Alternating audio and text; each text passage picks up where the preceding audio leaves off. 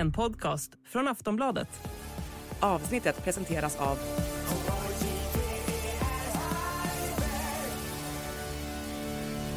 Stödlinjen.se, åldersgräns 18 år.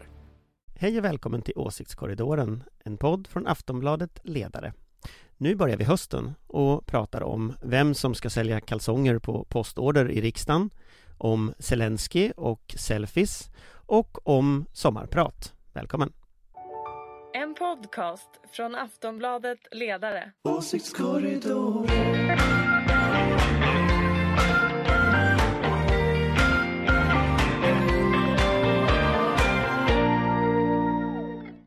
Hej gänget! Sen förra veckan har vi haft koranbränning, en utredning om en ordningslag och en avgående liberal. Allt det här hände i typ fredags. Ehm, och med mig runt bordet har jag några av Sveriges kanske kändaste politiska kommentatorer som ska kommentera det här. Oj vad dålig stämning det blev när jag sa Dålig kändaste. stämning. DS även förkortat. Mm. Vi säger välkommen till Ulrika Schenström, oberoende moderat och chef för den gröna och liberala tankesmedjan Fores. Här är jag. Mm, väldigt känd. Välkommen även till Susanna Kirkegård, medarbetare på Aftonbladets ledarsida, oberoende socialdemokratisk. Hej. Hej. Och hej till Anders Lindberg, politisk chefredaktör här på Aftonbladet. Hej hej! Och jag som programledare här heter Fanny Jönsson och är sommarvikarie på ledarsidan och även helgkrönikör. Och eh, hur mår ni? Och framförallt Anders, hur firade du i lördags? Firade vad? Och frågan är vad han Firade firade. vad? Mm. Det är spännande. Det vill vi alla veta. Vad firade du i lördags? Vad firade du i lördags? Var det på kräftskiva kanske? Något annat spännande? För du lär väl inte ha varit medveten om sakernas ordning? VM. Varför ska Brons. jag fira VM? VM-brons. Ja, Men jag var inte med. Nej, men våra svenska damer var det och de tog det långt. Jo, det vet jag och deras eh, comebacken här i Stockholm blev inställd på grund av eh, terrorhot. Det Säkerhetsläget. vet jag. Då lyssnade Anders. Då Anders. såg han på detta. Ja. Han hade ingen Det aning om vilka var det var. dåligt att det blev inställt. Mm. Ja, E-Type ville ju väldigt gärna sjunga. Han har ju varit inställd. extremt peppad på att damerna har ju använt hans eh, låt när de har eh, taggat igång så han ville ju uppträda med dem men det fick han inte. Men i fredags så kom ju också beskedet att Carl B Hamilton Nej det var inte ens i fredags, var det i fredags? Det var Jo. fredags eftermiddag. I fredags Take eftermiddag out the trash day. Ja, just det. I fredags eftermiddag för att han tidigare under veckan hade gjort ett eh, väldigt speciellt uttalande eh, gällande Richard Jomshof och vad man får säga och vad man inte får säga om judar och muslimer i Sverige. Och i fredags så bestämde han sig för att han skulle lämna sin plats i riksdagen. Men Jomshof, han sitter kvar. Och nu, idag, har Martin Melin sagt ja att ta över den här platsen. Hur eh, kommer det här utveckla sig, Susanna? Jag tror att det kommer pigga upp. Eh, han har en tendens att, att göra det. Det blir liksom lite, han eh, känns som, han är inte så liksom slipad politiker än, så att det, det, han är lite loose cannon. Jag tror att det kan bli kul. Eh, däremot så är jag, alltså Karin Karlsbro fick ju frågan först men sa nej. Eh, men eh, jag tycker att det hedrar henne att hon stannar i Europaparlamentet, även om vi då får ta konsekvenserna av det i form av Martin Melin. Martin Melin är ju, för den som inte känner till, eh, polis, eh, men också influencer på sociala medier. Tidigare deltagare i Robinson och lite överallt och också ersättare då för Liberalerna i riksdagen och tar över Hamiltons plats. Han lite Liberalernas Jan Emanuel, fast inte så rik? Ja, Inte eventuellt. så rik. Fast han kanske är lite rik med tanke på all spons han får. Jag vet inte hur det blir med all extra knäck. Får han massa spons? Vilka får han spons ifrån? Det är ju jättespännande. Ja, jag vet inte det senaste, men det har ju varit diskussioner om det där fram och tillbaka. Vet inte, kanske blir det också paus nu. Eh, Men eh, Melin blev ju också känd när han skulle uttala sig om Turkiet i riksdagen. Eh, men Anders, vad tänker du om eh, allt det här? Vad tänker du om Liberalernas framtid? Jag vet inte. Jag tror att eh, Carl B Hamilton hade svårt att sitta kvar. Det här uttalandet var ju att han sa ju att så länge, eller innebörden var ju att så länge man pratade illa om muslimer så, så satte man inte stopp. Men skulle man prata på samma sätt om judar som man pratade om muslimer så skulle den liberala ledningen sätta stopp. Jag tror inte han pratade om sig själv, jag tror han pratade om partiledaren. Ja, och har... Eh, och det, det är klart att det gjorde ju naturligtvis de andra liberalerna Mm. jättesura. Så det blev på något sätt ett, liksom ett, ett, ska man säga, ett litet fönster in i det liberala eh, Det gruppmötet. liberala eh, gruppmötet, eh, riksdagsgruppen, Ja. eh, lilla partiet. Och, och, och det är klart att den, den, det tror jag inte, det var svårt att svälja. Dels var det han sa väldigt dumt, det skadar ju eh, inte minst kampen mot antisemitism och det skadar kampen mot rasism överhuvudtaget om man graderar människor. Men, men sen också så tror jag att, att eh, alltså det här grundproblemet var ju att han gjorde ju, han berättade ju hur det var utåt. Och det tror jag inte riktigt Liberalerna tålde. Och det här måste väl vara en frustration över att partiledningen inte tog några krafttag gentemot SD ordentligt. Han borde ju inte ha gjort den där intervjun. Han hade, varit, han hade nog gjort bättre eh, ifrån sig internt och inte gjort själva intervjun. För jag tror han var frustrerad, väldigt, Mm. väldigt upprörd. Intervjun i TV4 För att är jag ju menar, var väldigt är den liberala vakthunden någonstans just nu? Precis, och det är ju intressant för liberal, alltså intervjun i TV4, han är ju väldigt rak Men det är ju också så att han fick ju frågor efteråt om att förtydliga sig Ja, och vet. Och då förtydligade han sig, kan man säga Så var att, så att, så att han släppte dig liksom själv inte att vara liberal, eh, liksom folkpartist, eh, liberalpartist idag och de inte står upp som liberala vakthundar. Det skulle ju kunna göra vem som helst. Nej, och, och det är också väldigt, väldigt fascinerande att titta på vad SD gör av detta För SDs liksom träskmaskinen där borta i form av det här Riks som det heter, eller jag vet inte vad de heter nu, de heter väl Riks fortfarande tror jag Mm, tror. Men, men de i alla fall började ju producera hånfilmer, eller en, speciellt en film om Carl B Hamilton med rubriken Liberalen som krävde Jomshof avgång får avgå. Så att, så att det är inte bara att Liberalerna lägger sig platta och sprattlar med benen i luften för SD, det är också så att SD hånar Liberalerna för att de lägger sig på ryggen och sprattlar med benen i luften. Och det är klart att hade, alltså som liberalpartist i det läget så hade man väl gått och liksom gömt sin garderob tror jag.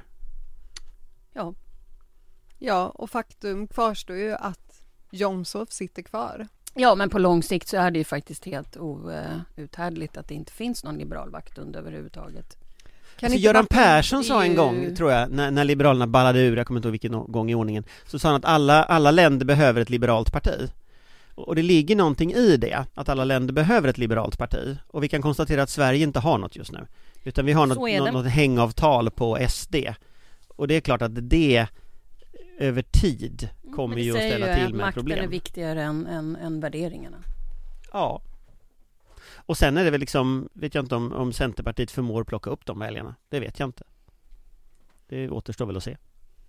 Och Martin Melin, det är ingen som ni tror kan bli en liberal vakthund. Alltså hans uttalande om Turkiet förra gången, när han skulle försöka förklara, gick inte så bra. Så att man kan skriva det på kontot oerfarenhet, det är helt möjligt. Man kan också skriva det på kontot att killen faktiskt inte kan något om politik. Eh, Båda känns det här liksom som någonting som Göran Persson skulle kunna säga. Det där sätter vi på oerfarenhetskontot. Du kan men vet du, du är ju en fan av Göran Persson. Ja! Så jag, jag antar att det där var där beröm. saker. Men hur tar Could du det. Anders? Tar du det som beröm? Nej, jag tror faktiskt att det är så. Jag tror, alltså, och, och jag tror att problemet med såna här Robinson-kändisar i riksdagen eh, brukar landa där. Eh, jag tror det är inte en bra rekrytering till att bli politiker. Jag tror man ska kunna något om politik. Ja, det är ju bara sådär Zelensky kanske, Ronald Reagan, Arnold Schwarzenegger. eller hur? Jag vet inte riktigt. Ah. Du tänker Mm. att Martin Melin och Ronald Reagan, det är samma nivå? Du tänker det? Nej. Jag sätter likhetstecken Ja, direkt. Ja. Jag tänker I att det beror mer på person. Än I rest my case. Det kan ju ändå, man får ju ändå säga att det kan vara fint med någon som är lite folklig som är, med, som är politiker. Det behöver ju inte bara vara de som är skolade sen Folklig med spons. folklig med spons, folklig med. Robinson. Folklig med spons. Ehm, nej men det finns ju, jag tänker att liksom för att leka lite djävulens advokat här, att det kan ju finnas de som kanske uppskattar politiker som också har varit ute på fältet. Vilket Melin har varit i och med att han är polis, men han är också influencer. Men vi går vidare, för att nu märker jag att jag alla att vi, zonar eh, ut här. Vi zonar ut. Jag får bara, ja, men, men, så- alltså, Martin Melin, ni, ni säger det här med att han köper, känn, att han säljer saker via sitt Instagram och sånt, det gör han ju. Det var väl en prenumeration på kalsonger tror jag. Men, men problematiken med det, Jag fråga, men vem prenumererar på kalsonger? mm, någon som känner, känner Martin Melin? Nej, det, det är inte vad jag känner till i alla fall. Han ser Men- lite skyldig ut. Men, men det intressanta, tycker jag med det, det är att det där är ju också en ekonomisk fråga för honom att vara känd. Mm. Så ju mer känd han blir nu i riksdagens talarstol, ju fler kalsonger kan han sälja. Och, och Det, det, är viktigt. det, det, det kan man ju liksom fundera på om det verkligen är Mm. liksom jättebra. Och det är det som kallas kalsongeffekten. Vi kan ju kolla sen vad han gör på, på voteringarna. Det är det som är så bra med riksdagen. Man bara blir mer och mer känd. Kan få bättre och bättre spons. Har lite så här, kränger saker i sammanbindningsbanan. Jag tänker på tal om eh, kändisar som blir politiker. Zelensky kom på besök till Sverige och alla partiledare samlades i Harpsund. Togs lite selfies. Men på det hela så verkar det vara en rätt enad stämning. Men vad betyder egentligen det här statsbesöket från Zelensky? Var det viktigt, Susanna? Absolut, det var viktigt. Eh, jag vet inte vad man ska säga mer om det. Nej. Mm, det var jätteviktigt. Anders, har du något mer att säga Det är symboliskt viktigt kan man säga och sen så blir det konkret viktigt eftersom att de pre- presenterar nya saker. Alltså, alltså det, det, det är ju inte ett statsbesök i traditionell mening utan det är en, en turné som han har som, som går till flera länder. Och efter Sverige så har han ju åkt till, till, till Nederländerna, han har åkt till, till Danmark, jag tror att om det var i morse som han var i Grekland, men han har liksom åkt runt i alla fall eh, till, till ett antal olika länder. Och det är ju liksom en diplomatisk snabb insats kan man säga från, från, eh, eh från Ukrainas sida. Jag tror ju att det finns två dimensioner i det här. Eh, den, om man ska tolka det positivt så är det bra att man visar stödet för, för Ukraina på ett tydligt sätt från de här länderna. Om man ska ta det negativa så är det så att det har ju antagligen att göra med att den här höstoffensiven eh, som väl man får prata om nu eh, säkert håller på att köra fast i leran och att vi får liksom en ny vinter i leran i Ukraina.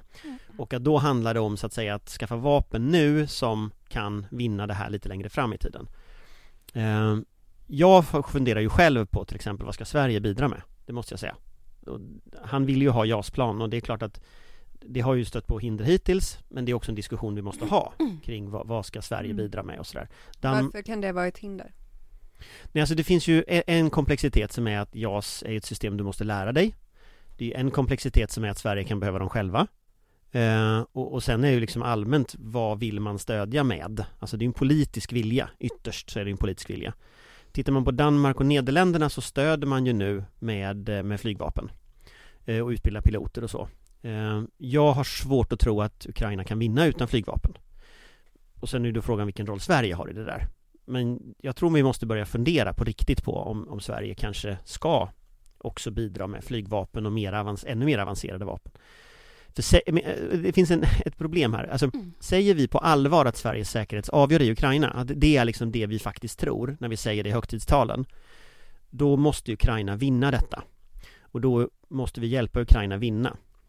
Och då blir det att säga så här, att vi måste ha JAS-planen själva ifall Ryssland gör någonting i framtiden blir lite ologiskt om nu striden står i Ukraina nu. Den står ju inte sen här, den står ju nu där. Och då är det klart vi ska hjälpa till där. Så, så det är klart att det hänger inte riktigt ihop med att säga att det är liksom den viktigaste striden vi står inför och sen inte hjälpa. Så, så att jag, jag, jag tror vi måste fundera på de där frågorna. Men det, jag, jag har inte tänkt helt färdigt. Har du tänkt helt färdigt, Nej. Ulrika? Nej, jag har inte tänkt färdigt. Men det är klart att eh, det handlar om en, en ny moving, alltså en, en ny offensiv. Det är, de har ju bestämt sig för att de, inte, de andra inte får vinna. Så Mm. det handlar väl om, om just vapen, allt det här. Det är väl självklart. Det handlar ju också om... Det var eh, någon som jämförde detta med andra världskriget när USA gick in med mer vapen 1941. Mm. Ehm, att det tog ganska lång tid. Eh, och att vi har en lång tid framför oss. Eh, och man har insett att det blir- kommer bli knepigt. Så att, Men det handlar ju också om eh, alltså att det är nu, det är ingen slump att han åker på turné nu. Det är ju nu som folk i västvärlden börjar liksom tröttna lite på kriget, om man får säga så. De som har lyxen att kunna tröttna på kriget börjar göra det och stödet liksom till Ukraina börjar svikta. Och jag tror det var CNN som gjorde en undersökning i, i eh, USA där över hälften av amerikanerna tycker att man har gjort tillräckligt för Ukraina nu och det finns ju absolut samma strömningar i Sverige. I morse lyssnade jag på Sveriges Radio där de pratade om samma sak, att de liksom hjälporganisationer får inte lika mycket donationer längre och sådär. Um, jag tror att de sa att de hade fått i år 10 procent av det de fick förra året under samma period. Uh, tror det var så.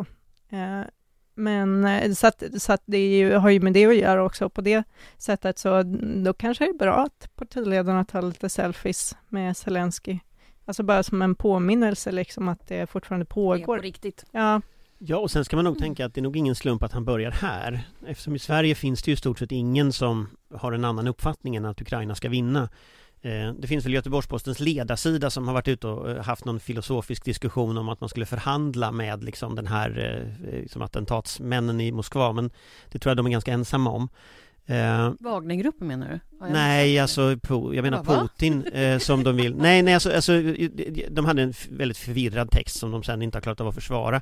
Ja, som handlar om att man ska ha för förhandlingar med Moskva. Mm. Eh, och, och, det är klart att jag ser inte, alltså det som finns att förhandla om Nej men det som finns att förhandla om är ju så här, vilket tåg tar Ryssland ur Ukraina tillbaka till Ryssland? Det är ju det som finns att förhandla om.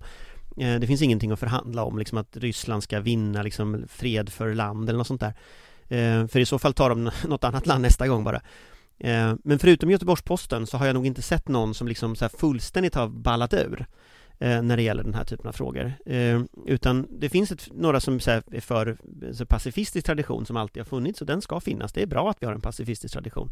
Men tittar vi på liksom den politiska då är alla överens om det. Så att han kommer hit först och sen åker han till andra länder. Jag tror inte det är någon, någon slump. Men sen ska man inte glömma det att Putin, han spelar alltid det långa spelet. Och han tänker nu att Trump kan vinna, det kan bli splittrat USA. Han tänker att han ska säkert kunna ställa till med påverkansoperationer till exempel mot Sverige. De här koranbränningarna är naturligtvis ingen slump att, att det händer och, Nej, det är ju inte och, och så vidare. Så, så här ser vi liksom Rysslands... vi behöva säga det, Anders? Nej, jag vet inte, men det här Rysslands propagandamaskin som tuggar på här nu liksom så va. Eh, och, ja, den är också duktig. Alltså man får inte underskatta ryssarna eh, så. Eh, så, så, jag, tänker att, jag tänker att det här kommer fortsätta vara en konflikt på, på många plan i våra samhällen. Um, och Ryssland är ändå ett jättestort land. Så, så att, att det här kommer fortsätta. Men det är extremt viktigt att inget parti ballar ur. Och det tycker jag är viktigt att liksom Det är tydligt att inget parti har ballat ur i Sverige när det gäller, när det gäller så här. Ja, tror, vad tror du? Jag vet det är du som faktiskt är bäst på utrikespolitik. Det är jag inte, men, men jag tror... I det här rummet pratar jag, vi om. Jag tror inte att något riksdagsparti skulle klara att, att börja flumma om Ryssland. Eh, Ryssland är inte jättepopulärt bland gemene man i Sverige, av goda skäl. Så att jag tror inte något riksdagsparti gör det. Halva Vänsterpartiet ballade ur i första omröstningen när det gäller vapen till Ukraina. Det gör de nog inte om. Så att jag nu tar de selfies med Zelensky ja, istället. Så jag, jag, jag, föredrar vänsterpartister med selfies med Zelensky kan jag säga. Så att, ja, jag, tror, jag har svårt att tro att någon ballar ur. Det är ju SD i så fall, men jag menar, priset för det skulle vara väldigt högt. Ja, vi eh, går vidare. Det här är en, jag vet inte riktigt hur jag ska göra en segway så att jag kör bara på. Att listan över årets mest ly, eh, lyssnade sommarprat har kommit. Och då undrar jag bara spontant, har ni lyssnat på sommarpraten i år? Hur många Jajamän. Du har lyssnat på varenda en? Nej, nej jag har faktiskt inte gjort det. Men hur Men, många? Ja, kanske, hur många är det totalt? Låt säga att jag har lyssnat varannan dag kanske. Eller ibland när jag har gått och lagt mig så har jag tagit och lyssnat på dagens kanske, eller någon annan tidigare. Bra. Anders, hur många har du lyssnat på? Jag vet inte, jag brukar läsa recensionerna först och sen så, och sen lyssnar jag efteråt Han kan inte tycka på, någonting själv. Men sen lyssnar jag efteråt på de som recensenterna tycker är bra. Inte bara recensenterna utan referaten, ja det handlar om det, ja men det kan jag ändå, det ja, kan men det jag kan jag köpa, ut med. nej, men jag, jag, är inte, jag, nej jag, jag, jag, brukar läsa recensionerna först och så, så, så går jag efter det. Så att jag vet inte exakt hur många men Det är fusk alltså. Jag vet att det är fusk men jag brukar Det lite så. fusk, men jag har gjort så i ungefär Jag tror inte jag är helt, jag tror inte att jag är helt ensam om detta nej. faktiskt det är skönt att du erkänner det i alla fall. Och Susanna, hur många har du lyssnat på? Eh, jag lyssnade på typ en kvart av Annie Lööfs sommarprat. Sen behövde jag göra någonting så jag pausade och sen glömde jag bort det. Och sen Eh, inte lyssna på något.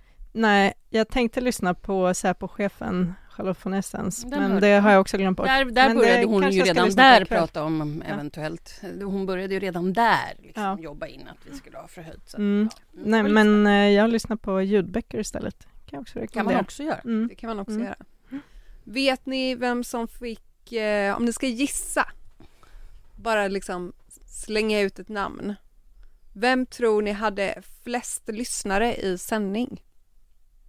Av alla sommarpratare och jag kan säga att det är en liten räv, någon som har varit med förut. Oj. Mark Levengood. Ja, Mark Yes. Levengood skulle jag också gissa på. Alltså jag har en sån liksom känsla för sånt Ja, här. Eller hur? verkligen. Jag bara, Ja. åh. 1-0 till Han dig. hade ju ett för några år sedan som måste vara det mest lyssnade någonsin va? Hade inte, hade inte det? Var inte det han? Kanske. Ja, Jag vet inte. Hans brukar alltid vara fantastiska. Men skulle Ja, vi han inte är- diskutera vem, vilken man tyckte var bäst själv? Var inte det liksom Jo. frågan?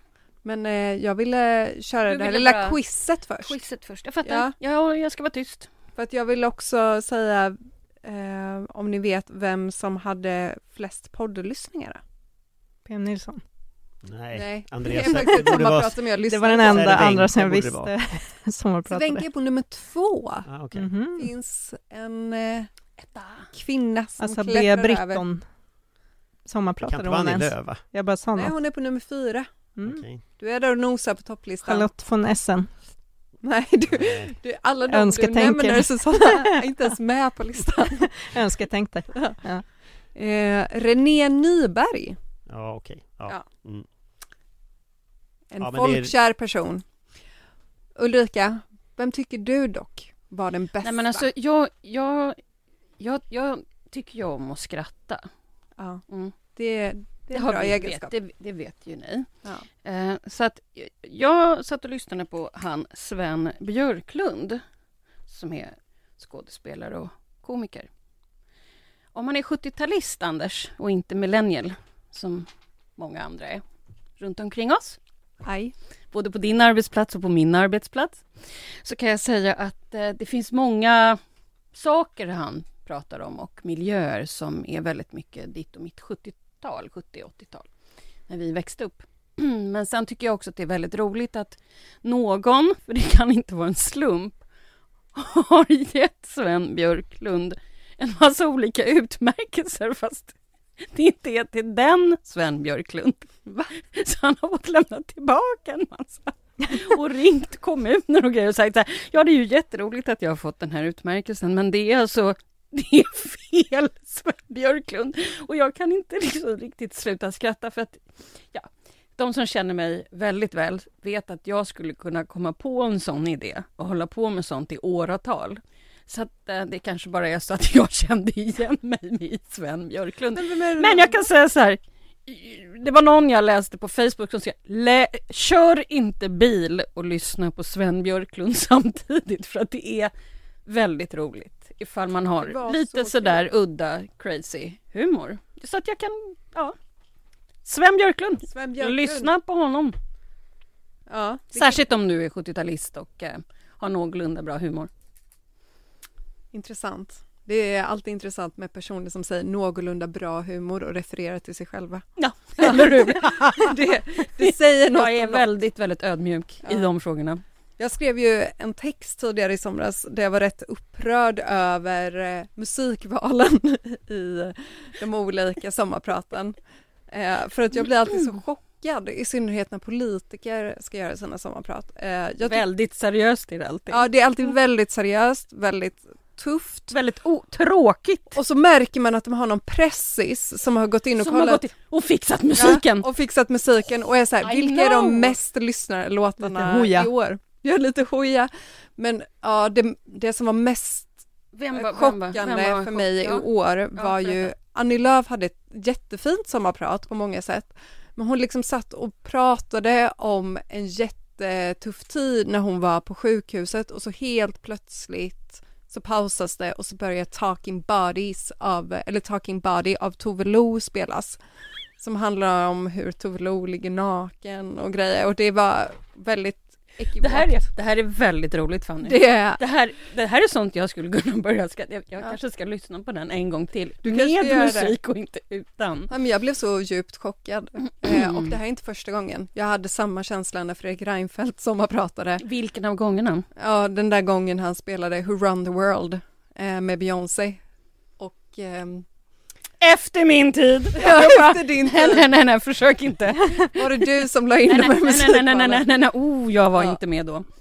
Eh, det här är någonting som jag tänker mycket på när jag lyssnar på sommarpratan. Eh, däremot PM Nilsson, eh, man kan säga mycket om hans sommarprat, jag skrev också en text om hans sommarprat, men han hade i alla fall en känsla för de sånger han hade med. Han hade ett väldigt genomtänkt sommarprat och var väldigt mycket så gamla Sverigesånger. Ja. Du sitter Vad menas och tittar med helt... gamla Sverigesånger? Ja, ja, men det var, det var inte gamla Sverige, jag ljög, men det skulle liksom gå in i linje lite med de här, den här Någon naturromantiska, nationalistiska, liksom, ja, typ, älskade eh, gamla. Roger Pontare. Roger Pontare. Ja, men du vet, Nordman. country. Vandraren. ja, vandraren. Ranstad City Släckers. Ja. ja. Kanske okay. någon nyckelharpa. Ja, säkert någon nyckelharpa. Alltså fördelen med att lyssna som jag gör då, det är att man kan lyssna utan musik. Nej, men... Ja, du lyssnar på de korta versionerna. Så att eh, man får bara prata. Det gör jag också. Ja, men det Där är... kom den. Men det är också för att Anders ibland då när jag märker att det, blir, att det kommer vara bra, då kan jag lyssna om och ta den långa versionen. Ja. Det är inget fel med Linda Bengtzing. Så att jag har också lite så här, men jag gör recensionen själv, Anders, innan. Jaha, okay. mm. Tycker du det är något fel med Linda Bengtzing, Susanna, du tänkte sticka in där? Ramlar hon ihop här nu? Nej. Nej, nej då. Jag kom bara, alltid när jag tänker på Linda Bengtzing tänker jag på det här när hon spelade på något centerpartist-event. Eller hur? Jaha. Var inte det hon? Jo, det är hon. Ja, precis. Det är det första jag tänker på. Säger väl hon något. har ju också skrivit en låt som heter Jag ljuger så bra. ja. Den passade väl in på Centerpartiet. Ja. Och med de bevingade orden kanske vi ska avsluta dagens eh, åsiktskorridor. Mm. Tack, tack. Tack för den här gången. Tack så mycket. En podcast från Aftonbladet Ledare. Åsiktskorridoren.